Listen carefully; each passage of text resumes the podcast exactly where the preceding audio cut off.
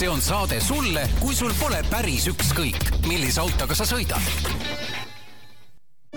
auto vahetamine võib olla tükk tegemist, aga mitte ideaalautos. meie suures müügisalongis on esinduslik valik garantiilisi, vähekasutatud autosid. ideaalauto, kõik, mida vajad, on siin. autod, rehvivahetus, kakskümmend neli seitse autopesu, keretööd. Peterburi tee nelikümmend seitse C. tere tulemast äh, kuulama Autotundi täna meil äh, Tarmo Tähepõldu kahjuks ei ole, oleme saatnud ta puhkama, aga selle asemel on meil külaliseks äh, Gregor Sibold äh, Geeniusest ja mina olen Martin Mets ning sarnaselt eelmisele saatele, kus me rääkisime pikalt ja põhjalikult sellest, kuidas käia kohal Le Manil, siis täna räägime, kuidas käia kohal hoopis, hoopis teistsugusel asjal, ehk siis vormel ühe võistlustel. sest Gregor on seal, sa oled see aasta juba kaks korda käinud, see aasta kaks korda võimas, kus kohas sa käinud oled? Eh, ma esimese hooga käisin Bahreinis ja mis oli siis hooaja avaetapp ja seejärel Aserbaidžaanis paar kuud hiljem. tõmbame nüüd korra tagasi, selles mõttes, et eh, vormel üks oli meeletult populaarne, ütleme mingi, kui mina olin noor, eh, see, sellest on aega möödas, sina oled veel siiani noor, et äh, miks sa üldse käid seal, kas F1-l on praegu kuidagi nagu eriti head ajad või minul on kuidagi natuke kõik nagu see kõrvalt mööda läinud, no jaa, ei, see, selles mõttes on sul õigus, et noh, eks ju seal kuldaeg oli kuskil noh, viimane kuldaeg kuskil üheksakümnendate lõpp, kahe tuhandendate esimene pool, mäletan ka ise, lapsena sai ikka pühapäeva hommikuti vaadatud tele, väikses telekas seda kõike, aga jaa, just kuskil viimased pakuks umbes kuskil viis aastat või kuskil sinnakanti on nagu täielik uus kuldaeg tekkinud, et seal on päris mitu suurt mõjutajat, noh, üks, üks, millest see kõik, eks ju, alguse sai, on see, et seda aastaid juhtinud Bernie Ecclestone müüs maha kogu selle kupatuse ühele USA suurfirmale. Ja noh, küll ameeriklased, eks ju, teavad, kuidas meelelahutust teha. Ja nad hakkasid sporti meeletult kasvatama jälle ja, ja ilmselt nagu kõige suurem tegur kõige selle juures on olnud Netflix, kuhu siis umbes, umbes neli-viis aastat tagasi hakkas, hakkas jõudma selline sari nagu Drive to Survive, eh, mis siis põhimõtteliselt viis inimesed kogu selle F1 tsirkuse kaadri taha ja näitas, mis seal nagu päriselt toimub, muidugi väga dramaatiliselt ja väga üledramatiseeritult tihti, aga noh, ta ikkagi, ta põhimõtteliselt pani niisuguse Hollywoodi spinni spordi külge, mis siis tähendab, et inimesed hakkasid meeletult huvi tundma ja, ja kui sa paned sinna kõrvale näiteks ka selle, et noh, pandi käima korralik Instagram, Youtube, kõik muud asjad, mille abil näidata inimestele, mida see sport endast päriselt kujutab, milline noh, milline draama seal taga on, millised intriigid seal möllavad ja, ja noh, ja milline või-, võis-, võistlus seal on, siis noh, ta hakk-, hakkas meeletult koguma, koguma hoogu ja, ja nüüd me olemegi jõudnud punkti, kus äh, tiimid on väärt miljardeid ja noh, põhimõtteliselt selline veidike niisugune samasugune haibilaine võib-olla nagu Ameerikas on Ameerika jalgpalliga, kus nagu iga, igal tiimil on nagu suur kisakoor taga ja, ja noh, kõik staarid on nagu suured staarid. aga, aga natukene räägi siis, kuidas see tegelikult nagu välja näeb, üks F1 võistlus, sest kui mina nagu vaatan seda telekast või kui palju olen vaadanud, siis mul on selline tunne, et kui ma nüüd oleksin seal kohapeal, siis ma olen kohapeal ühes kurvis, ma näen, kuidas kahe tunni jooksul minust kakskümmend pluss autot vormelit sõidavad mööda, natuke läheb juba segaseks, kes nüüd nagu seda asja juhib, sa näed mingit seisu kogu aeg, kuidas nad mööda sõidavad ja üks hetk keegi võidab ja ongi kõik, et kuidas see nagu siis päriselt tegelikult koha peal käib? no koha peal ta käib ikkagi niimoodi, et eh, noh, kirglikumad kodus vaatajad ka ilmselt vaatavad vormelit eh, kolmel päeval nädalavahetusel, ehk eh, alates reedest, millal on esimesed vabatreeningud, ja siis kuni pühapäevani välja, millal on põhivõistlus tegelikult noh, mingisugune väike trall hakkab juba neljapäeviti pihta, kui on mingisugused inimesed tulevad rajale, seal veidike tehakse mingi, mingisugust tsirkust, on peaasjalikult on niisugused pressiintervjuud ja kõik selline pool, ehk siis noh, mitte võib-olla nii huvitav, aga, aga tegelikult ikkagi terve nädalavahetus sul täidetakse ära. ja ja selle juures ongi oluline ka mõista seda, et kui minna vormelit koha peale vaatama, siis noh, see ei ole, ei ole see nagu kodus, et sa paned teleka viis minutit enne käima ja siis nagu sa, esimene sõidab üle joone, siis paned klõpsti kinni ja ongi kõik. et see on ikkagi niisugune põhimõtteliselt festival kolm, kolm-neli päeva järjest. et ühelt poolt sul on kõik treeningud, kõik see pool, lisaks sellele tihti on ka näiteks F2 ja F3 ja Porsche Supercup, ehk siis sul on kolm-neli erinevat seeriat, kes et teevad, teevad oma võistlusi, jah, sa näed. lähed kohale, siis tegelikult sa ei lähe kohale siis, kui äh, ma ei tea, kell kaksteist see võistlus hakkab, vaid tegelikult sa oled kohal hommikul kaheksa ja lõpetad selle päeva õhtul kell kaheksa. no tegelikult sa võid selle õhtu lõpetada ka pärast südaööd, sest harilikult õhtuti on seal ka suured kontserdid, noh, a la mingid maailmakuulsad DJ-d ja sellised asjad tulevad sinna kohale, kuna noh, ta on niisugune festivali õhustik, siis ta on selline su-, su-, su-, suhteliselt suur pidu, aga noh, sellist raja action'it seal võib ikka keskmisel päeval nagu viis-kuus tundi suhteliselt nagu vabalt olla, kui sa nagu vaat-, tahadki vaadata, kuidas F3-s eestlane sõidab või F2-s äh, midagi huvitavat juhtub ja võib-olla ka Porsche Supercup, mida muidu mitte kunagi ei vaata, aga noh, kiired autod sõidavad rajal, ikka huvitav vaadata selles mõttes. Ja ja kõik see muu, mis seal kõrval on, ehk siis jah, sa vahepeal lähed istu, istud seal tribüünil, vaatad, kuidas autod sõidavad, on nagu päris vahva ja aga vahepeal oled ka rajalt eemal natukenegi, seal on selline su-, suhteliselt suur meelelahutusala, iga, igal, igal etapil on, mis on tribüünide taha üles ehitatud, tihti on see hiigelsuur ja seal on noh, kõik alates nännipoodidest kuni leboalade ja, ja puhkealadeni ja, ja toiduni ja selle kõrval ka hästi palju sellist äh, üldist meelelahutust, näiteks alati on suur lava, kus siis äh, etapp või noh, niisuguste nende eri, erinevate sõitude vahepeal käivad äh, erinevad sõitjad näiteks lava peal, tiimipealikud käivad, räägivad, näitavad mingeid huvitavaid asju ja siis samas ka sellist nagu kes võib-olla sellist karnevali poolt veidikene, kus noh, ongi mingi vend tantsib huvitava muusikasaatel keset, keset platsi ja siis käivad karkude peal inimesed ringi ja muusika põntsub. Ja kõige selle kõrval ka sellised F1 võib-olla enda asjad, ehk siis näiteks mingid simulaatorid, äh, demoautod, äh, tihti on ka seal mingid antiiksete või noh, uunikumide näitu-, näituseid ja selliseid asju, et seal on nagu üsnagi palju teha ja arvestades, et tihti on nende asjadega suht palav, siis vahepeal on ka lihtsalt tore nagu õlletopsiga kuskil varju all pikutada ja nautida ja oodata, et järgmine asi hakkaks. aga, aga kui sa nüüd oled seal võistlusel kohal, ütleme, et sa oled nüüd äh, mingil istekohal seal kuskil kurvis, kui hästi sa tegelikult sellest võistlusest aru saad, et just see nagu noh, kodus vaatad, sul on äh, numbrid jooksevad, sa näed, mis kohal keegi on, kõige põnevamat kohta, mis hetkel toimub, näidatakse sulle, et kuidas sa sellest aru saad, on seal ka kuskil mingid suured ekraanid või äh, igas kurvis või kuidas see käib? pead telefonist vaatama või? noh, see kindlasti kodust, kui sa ütleme, vaatad, ma ei tea, telekast või F1 TV äpi kaudu või millegi sellise kaudu, kus sul on nagu meeletus koguses kogu infot, siis su reaalne arusaamine sellest, mis päriselt toimub, on oluliselt parem siin, siin ei saa nagu vastu öelda, et noh, sa, sa ei lähe nagu raja äärde vaatama sellepärast, et paremini aru saada, mis toimub, sest ega sa mm. tegelikult ei saa. noh, ongi, eks ju, kui sa tead nagu, mis numbrid, mis sõitjatel on, siis on nagu enam-vähem sa võib-olla suudad nagu hoomata, kes su eest just mööda sõitis või, või mis just juhtus, aga noh, sa oma silme ees näed suhteliselt väikest, väikest ala. sul on tihti, noh enamasti on ekraanid, kus on ka nagu järjestus peal, aga noh, näiteks kui kodus vaadates see järje, järjestus sellel pare-, sellel vasakpoolsel tulbal, mis sul ekraani servas on, kus need kõik, kõik, kõik üksteise taga on, kui see muutub nagu jooksvalt ja nagu reaalajas, siis näiteks noh, raja ääres ta muutub siis nagu iga ringi järelt ehk siis sa tegelikult ei näe. Samamoodi see võib, need ekraanid võivad tihti olla üsnagi kaugel, need võivad olla päikesevalgusega väga halvasti nähtavad ja, ja ehk siis sa ei tegelikult ei pruu-, ei pruugi päris täpselt aru saada, mis toimub ja selle kõrval siis ka veel see, et eh, kodus vaadates sul on ka eh, kommenteerijad, kes noh, aitavad nagu mõista mm. asju konteksti panna, öelda asju, mida sa võib-olla ise ei märka, kuna neil seal noh, neil on produtsendid sosistavad kõrvad, näe kuule, vaata, seal toimub asi, seal toimub asi, seal toimub asi, ütle midagi, siis jah, raja ääres on ka komment-, eh, kommentaarid, aga ega sa tegelikult ei kuule neid. jah, nad nagu, kõlarid on sinu poole suunatud, aga ühelt poolt, kui sa oled välisriigis, no see on kakskeelne, ehk siis alguses sulle räägitakse araabia keeles ja siis sulle räägitakse näiteks inglise keeles sedasama asja,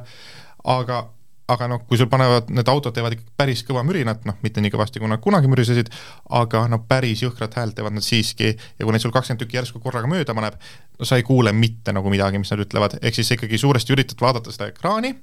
sa üritad vaadata, mis enam-vähem toimub ja siis lõpuks lähed ikkagi koju ja vaatad nagu highlights'id üle, et aru saada, mis nagu päriselt toimus ja mis olid need kõige põnevamad asjad sa mainisid ka, et üritad telefonist vaadata asju, noh, kui sa oled kunagi festivalil käinud, siis ürita seal mobiilset internetti leida. Ehk siis kuna need tihti need rajad on ka kuskil keset võsasid ja metsasid, kus nagu on nagu parimal päeval väga halb levi ja väga halb ühendus, siis kui minna nagu ajal, kui seal on, ma ei tea, sada tuhat inimest, viiskümmend tuhat inimest, kui oleneb, kui palju neid seal on, no sul ei loe mitte ükski asi ära, no see on täi-, täiesti lootusetu, et üritada mingisugust äh, re-, reaalajas infot vaadata, et üritasin ka ise paar korda äpist panna nagu, et noh, mida aega sinna näha ja mingeid selliseid asju, et nagu aru saada, mis päriselt toimub, aga see oli, oli suhteliselt keeruline. aga selles mõttes sa nüüd rääkisid, et miks see nagu üldiselt on praegu popp ja, ja miks seal F1-l hästi läheb, aga miks sina konkreetselt seal käid koha peal? miks suitsetaja suitsetab, noh, harjumus on. Ehk siis eh, eks, eks ma samamoodi, noh, mina kuidagi koperdasin täiesti puhtjuhuslikult eh, vahetult enne koroona algust, umbes täpselt koroona alguses koperdasin uuesti F1 peale, ma polnud seda noh, aast-, noh, väiksena lapsena vaatasin seda nagu niimoodi poole silmaga, mitte kunagi väga kaasa ei elanud, jooksvalt ega ma mingeid uudiseid aastate jooksul ei jälginud, ja siis nagu umbes täiesti suvalisel pühapäeval sattusin kuidagi ühte seda sõitu vaatama ja siis kuidagi sealt hakkas harjumus tekkima, see harjumus on jooksvalt arenenud, noh, hakkasin ka järjest rohkem huvi tundma, järjest rohkem ise nagu infot otsima selle kohta, noh, nagu iga paadunud vormelifänn teab, siis kõige parem info on alati Redditis, kuhu jookseb kokku kogu, kogu maailma info selle kohta ja nagu see sekund pärast seda, kui mingi infokild välja tuleb, siis jõuab sinna, noh, a la selliseid asju hakkasin jälgima, üritasin hakata veidike paremini ise aru saama, kuidas see kõik töötab, ja noh, ja sealt see koha peal käima hakkamine oli selline loogiline areng võib-olla selle järgi, et kolm-neli aastat suhteliselt nagu igat etappi vaadanud, siis see aasta tekkisid ka võimalused, et nagu äkki võiks minna mõnda koha peale vaadata ja siis ma, kui uued piletid müüki tulid, siis ma broneerisingi lihtsalt kahele erinevale etapile ära, mõtlesin, et ma lähen, lähen vaatan, kuidas on. Kohe räägime nendest äh, piletitest, aga lihtsalt ma saan aru seda, et kui sa nüüd juba teisel korral seal käisid, siis sa nagu esimest korda ei kahetse ja sa seal nagu käimist ei kahetse üldse. ei no selles mõttes mul oli teine kord ostetud enne, kui ma esimesele läksin. ehk siis isegi, kui ma läksin kahetseda, ega mul mingisugust nagu abi, abi sellest olnud ei oleks. ei, kindlasti ei saa öelda, et oleks kahetsenud mm, võib-olla kui ma nüüd järgmisi otsustan, et ma lähen veel mõnele, ma ilmselt läheksin mõnele muule, kuna ma noh, ma veidike valisin selle järgi, et kus riigid, kus ma pole siiamaani käinud, mõtlesin, et paneme ühe reisi ka siia otsa, et noh, päris vahva, et teeme niisuguse nädalajase asja, et noh, huvitav. noh, ja teiselt poolt ka, et vaadata niisugust võib-olla veidike odavamaid riike, kus on nagu sa, saab pare-, paremini sama eelarvega hakkama. aga noh, eks sellega tuleb, tuli kaasa ka veidike seda, et ega seal niisugust muud elu ja olu meeletult palju võib-olla ei olnud, noh Bahreinis mm. eriti vähe, kuna ta on veidikene teistsugune riik kui see, millega me Euroopas harjunud oleme, noh Aserbaidžaanis kindlasti natukene rohkem, noh Baku on ikkagi kuurortlinn ja mm. seal, seal üht-teist on, aga noh, e-, e-, eks ta, eks ta noh, ei, ei ole võib-olla nagu päris selline nagu noh, ei, ei, ei lähe nagu Pariisi või ei lähe, eks ju, ei lähe Londonisse, et sul ei, sa ei suuda nagu väga efektiivselt endal nagu aeg, aega ära täita ja võib-olla ka noh, hotellid, kõik asjad on alla veidike sellist arvestust, nagu sa eeldad, et nad võiksid olla. noh, Bahreini puhul kindlasti mitte, seal nagu noh, iga, iga hotell nägi välja nagu Donald Trumpi WC sees nagu kulda karda nagu absoluutselt igale poole ja, ja nagu kõik käivad ja kummardavad su ees ja noh, tahavad sind mm. väga aidata ja noh, kult-, teeninduskultuur on lihtsalt täiesti teistsugune. aga aga riigina ise nagu ega seal väga midagi väga põnevat ei olnud. ehk siis ma ei kahetse kindlasti etapile minekut, võib-olla neid konkreetseid riike ma lihtsalt ei soovitaks ilmtingimata, et äh, varsti meil ilmub ka autolehes ilmub lugu selle kohta, aga kus on palju häid nõuandeid, aga kui Eestist vaadata, siis ma kindlasti soovitan pigem vaadata kuskile Euroopa poole, näiteks kas Austriasse, Itaaliasse, Suurbritanniasse, isegi Hispaaniasse, kus on nagu väga mõistliku hinnaga piletid, hästi lihtne on Eestis sinna tegelikult ka saada ja saad, saad minna nagu teha nagu korra, korraliku puhkusega. Lähmegi nüüd kohe praktiliseks, et äh, mis need piletid maksavad ja mida ma peaks neid pileteid ostes üldse tähele panema? no sa kindlasti peaksid tähele panema seda, et piletile piletile on hästi suur vahe. ehk siis noh, nagu me vaata rääkisime ka enne siin, siis äh, jah, põhisõit on pühapäeviti, aga tegelikult seal kogu see action käib ju mitu päeva varem. ehk äh, kui sa pileteid ostad, on oluline tähele panna esiteks, et kui pikaks sa tahad sinna minna, kui sa tahadki teha nagu terve nädalavahetuse, kas sa tahad minna näiteks ainult kvalifikatsiooni vaatama eh, või siis sa oledki nagu perepuhkusel ja üritad lihtsalt ühe pühapäevase väljakäigu panna, kuna sa lihtsalt oled seal parasjagu. ehk siis, eh, ehk siis see selline perioodi pool kindlasti, siis ka piletite ostmisel kindlasti tähele panna seda, kuhu sa need piletid seal täpselt ostad. ehk siis harilikult igal etapil on nii tribüünikohad, kui ka siis selline üldala, kus sa seisadki keset põldu ja juubeldad. võid käia, aga siis võid käia nagu igal pool ringi, kui sa oled üldalal. jaa, sa, sa võid, noh see meelelahutusala ja kõik see on nagu ühine, vahet pole, kus sa istud või kui uhke pilet sa endale ostnud oled, aga jah, kui sa oled üldalal, siis sul istekohta ei ole, siis sa seisadki keset muruplatsi ja loodad, et keegi pikk inimene su ette ei seisa parasjagu, sest kui seisab, siis on halvasti. aga jah, peaasjalikult ikkagi kui tahta nagu mugavust ja kindlustunnet, on kõige mõistlikum võtta tribüünikoht aga neid tribüüne on ju mitmeid. Neid tribüüne on nagu palju, neid on nagu üm-, ümber ringraja. et ja noh, ja need, eks need hinnad ka peegeldavad seda, et nagu kui ihaldatud need on. ehk siis harilikult kõige ihaldatumad tribüünid on kas otse poksiraja vastas, kuna sealt sa näed starti ja, ja garaažidesse sisse ja poksipeatuseid, ja siis harilikult eh, esimese kurvi omad, sest noh, kui nad stardis alustavad mm, -hmm. siis noh, see on kõige tõenäolisem see koht, kus nad eh, üksteisele otsa sõidavad ja kus igasuguseid huvitavaid asju juhtub, ja siis ka sellised teised võib-olla levinumad eh, kurvid üle, möödasõitude jaoks ühesõnaga, enne tuleb teha endal siiski kodutöö ära, et vaatad, mis rada on, on ju, kus on need möödasõidud toimuvad, ja siis mõelda, kas võtad selle möödasõidu äh, kurvi koha või võtad siis selle boksi äh, äh, vastas oleva koha. just, et sa jah, guugeldada tasub kindlasti enne, kui midagi ära osta ja noh, samamoodi kui juba tribüün välja valitud, on suht oluline mõelda välja, kus sa seal päriselt istuda tahad. sest noh, ülevalpool istudes sul on parem vaade, Eh, harilikult on sinna ka keerulisem kohti saada, aga jah, samamoodi tribüünidel tihti on näiteks tugipostid ja asjad, mis tähendab seda, et sa ei pruugi mõnele poole väga hästi näha. Eh, ehk siis noh, harilikult on seal need niisugused eh, diagrammid on päris hästi olemas ja nende pealt saad, saad aru, mis sa, mis ja kus sa istuda tahaks. aga mis siis nagu hind umbes on, et kui ma olen seal platsi peal, võin ükskõik kohas ringi käia, või siis mõnel sellisel ägedamal tribüünil no see jälle sõltub sellest, eks ju, mis riiki sa tahad minna, ehk siis kui vaadata näiteks Euroopa sees ringi, siis noh, harilikult kõige kallimad on ka kallimates riikides, kõige odavamad odavamates riikides, ehk siis kui me vaatame Euroopas näiteks ma ei tea, Ungari üldala, noh, sinna sa võid alla saja euro eest saada endale piletid. samas, kui sa tahad nagu kuskil mm, ütleme, ütleme Itaalias või Monacos või kuskil Suurbritannias parimal tribüünil olla, tuhat, paar tuhat eurot nädalavahetuse kohta, et veidike sõltub, eks, millal sa need asjad ostad endale ja, ja mida parasjagu saadaval on, aga noh, see hinna, hinnatase on hästi-hästi kõikuv. sa ütlesid ka, et sa ostsid juba mõlemad piletid nagu kohe ära, juba varem, on ju, ammu ära, et eh, ma saan aru, et sellega siis tuleb ka nagu kohe tegeleda, juba varakult e-, ette mõelda, mitte nüüd, et eh, ma mõtlen, et järgmine nädalavahetus võiks minna vaatama jaa, ei kindlasti, et kui sa, kui sul on soov minna, siis tuleks need ära osta, sellepärast et need piletid, noh, müüakse väga kiiresti, sellepärast et see sport on hetkel muutunud nii populaarseks, ehk siis äh, rebimiseks läheb nagu väga kiiresti, kõige kiiremini ostetakse ära kõige odavamad ja kõige kallimad piletid ja siis noh, sinna jääb, vahele jääb neid piletid, aga noh, mida päev edasi, seda raskem on sinna ikkagi leida. ehk siis, ja sealjuures on ka oluline see, et mõned äh, rajad on hakanud kasutama dünaamilist hinnastust. Äh, ehk siis noh, nagu Boltiga sõidad, et kui on suur nõudlus, siis mm. läheb, läheb hind kallimaks. eks näiteks see aasta Suurbritannias oli niimoodi, ehk siis kui arvati siin vahepeal, et Taylor Swifti piletimüügiga oli suur probleem, et hinnad aeti nagu täiesti mm. ulmeliseks USA-s, siis see, mis seal toimus, läks ka ikka nagu noh, tuhandetesse, tuhandetesse, tuhandetesse kõige üldisemad piletid, sellepärast et robotid tulid, hakkasid esiteks ühelt poolt ise ostma, et edasi müüa, ja ka lihtsalt inimesed jooksid tormi, ehk väga-väga eh, oluline on see, et kui sa tead, et sa tahad minna kuskile, mõtle see võimalikult vara välja, osta esimesel võimalikul hetkel see pilet ära ja noh, päeva lõpus, ega kui sa ei taha minna, küll sul õnnestub see kuskile maha müüa, aga, aga jah, muidu, muidu, muidu on suur risk ilma jääda. aga mis need muud kulud on, et noh, elementaarne on muidugi see, et äh, lennureis ja vastavalt sellele siis, et äh, kuhu kanti sa sõidad ja kuidas seal Eestis seal ühendused on, et see on nagu selge asi, et kas sa lähed Las Vegasesse vaatama või, või lähed Ungarisse või äh, või Aserbaidžaani, on ju selge see, et lennupileti hinnad on erinevad, aga mis need paratamatud kulud seal kohapeal veel on peale selle ürituse enda hinna? Eks ju, sul ongi ürituse enda hind, sul on lennuhinnad, siis muidugi eks ju majutus, sest noh, eks kuskil tahad nagu pead ka puhata õhtul,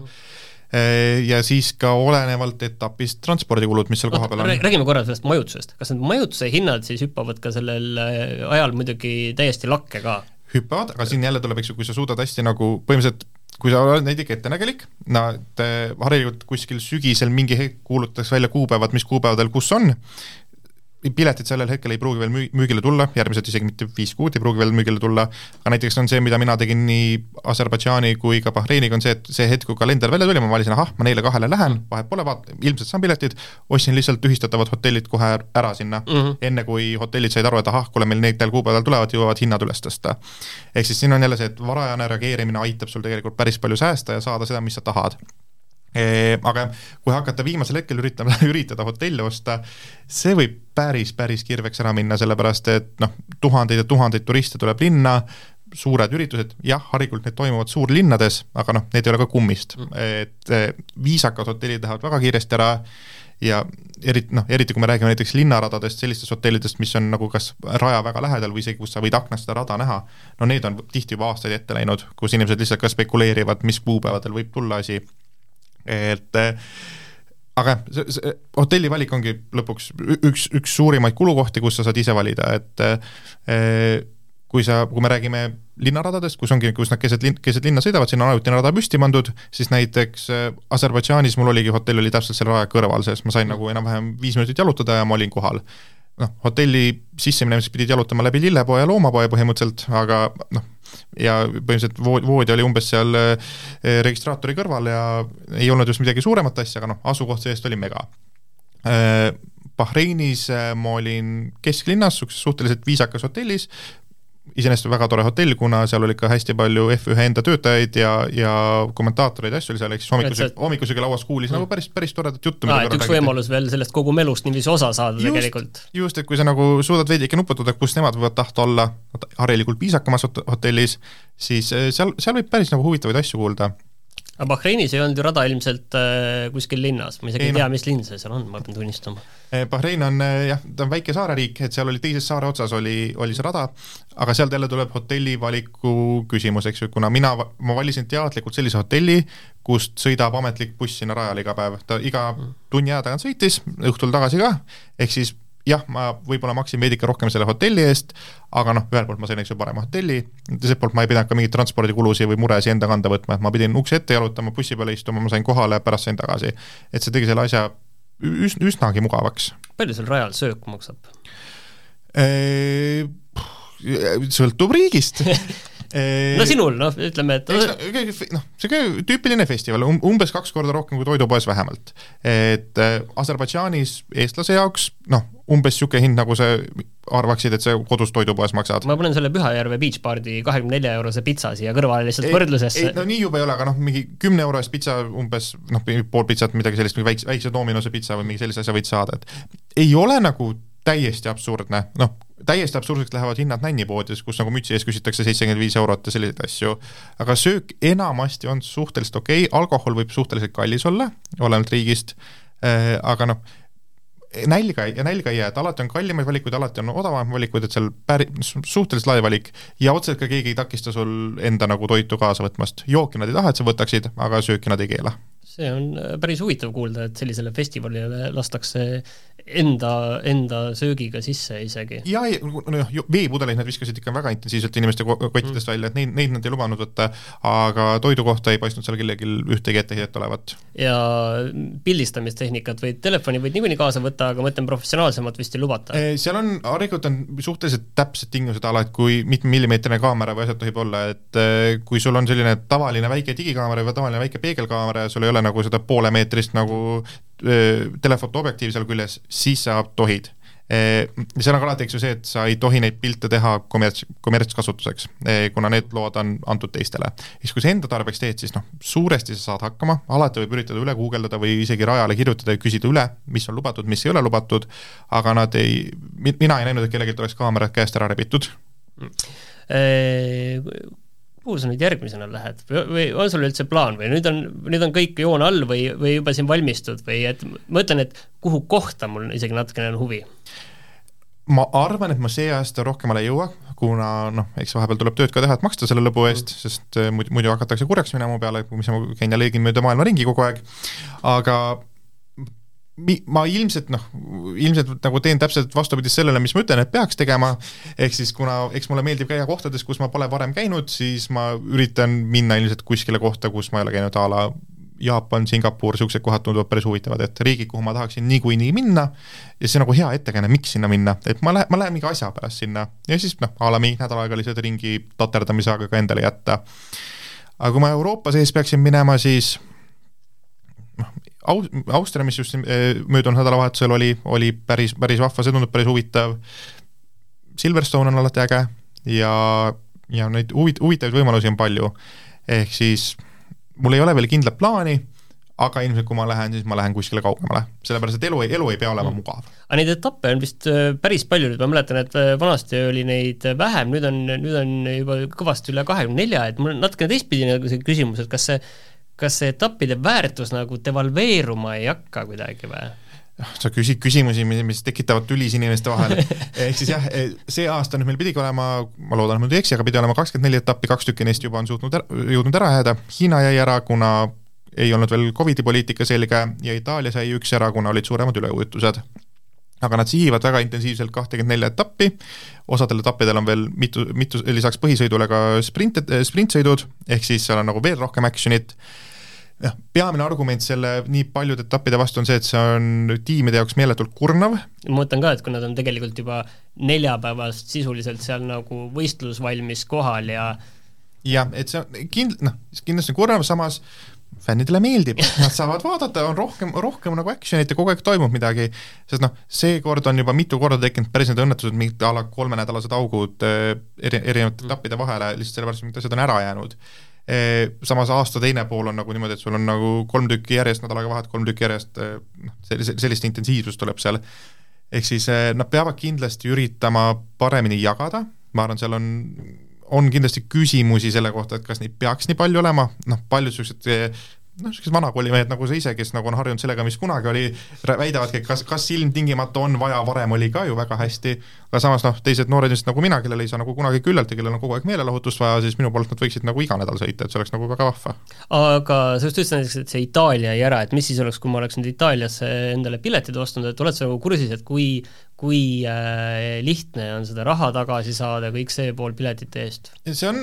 siin on viimastel aastatel paar niisugust olukorda olnud, et Itaalia lahenes väga ilusti, Itaalias nad maksid selle raha kõigile tagasi, ei olnud hullu. eks muidugi, kui sa endale hotelli olid book inud mm. ja lennud olid book inud, noh, see on su enda probleem mm., sellepärast et jah, no see, see, sellega ei aita nad ilmselt aga samas näiteks,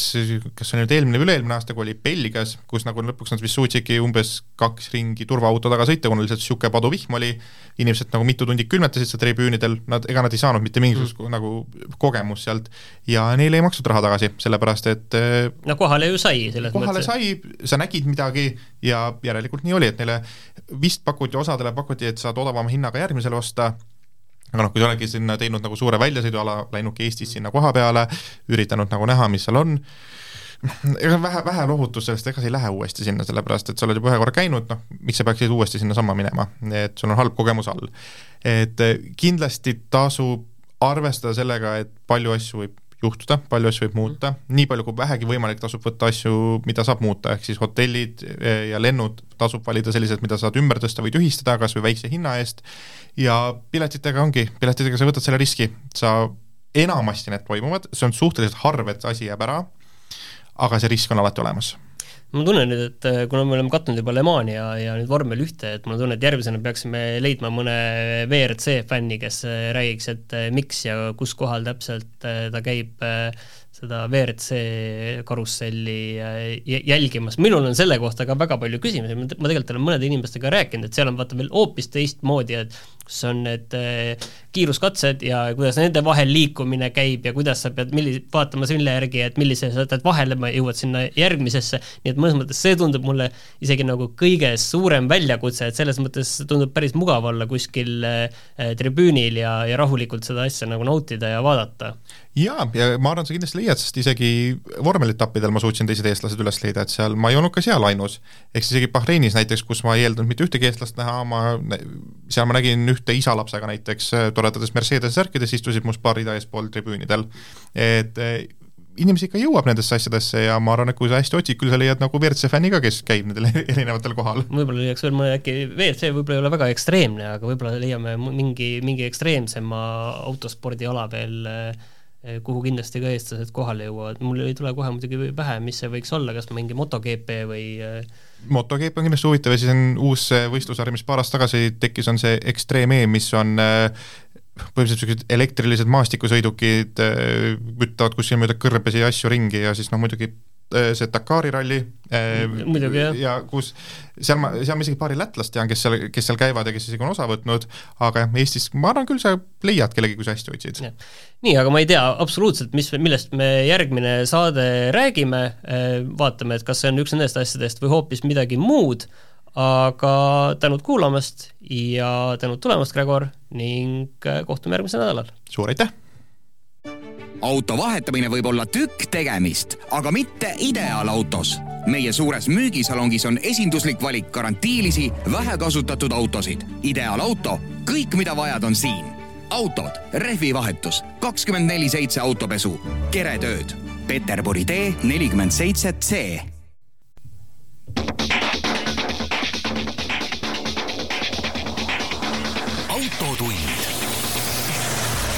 see on saade sulle, kui sul pole päris ükskõik, millise autoga sa sõidad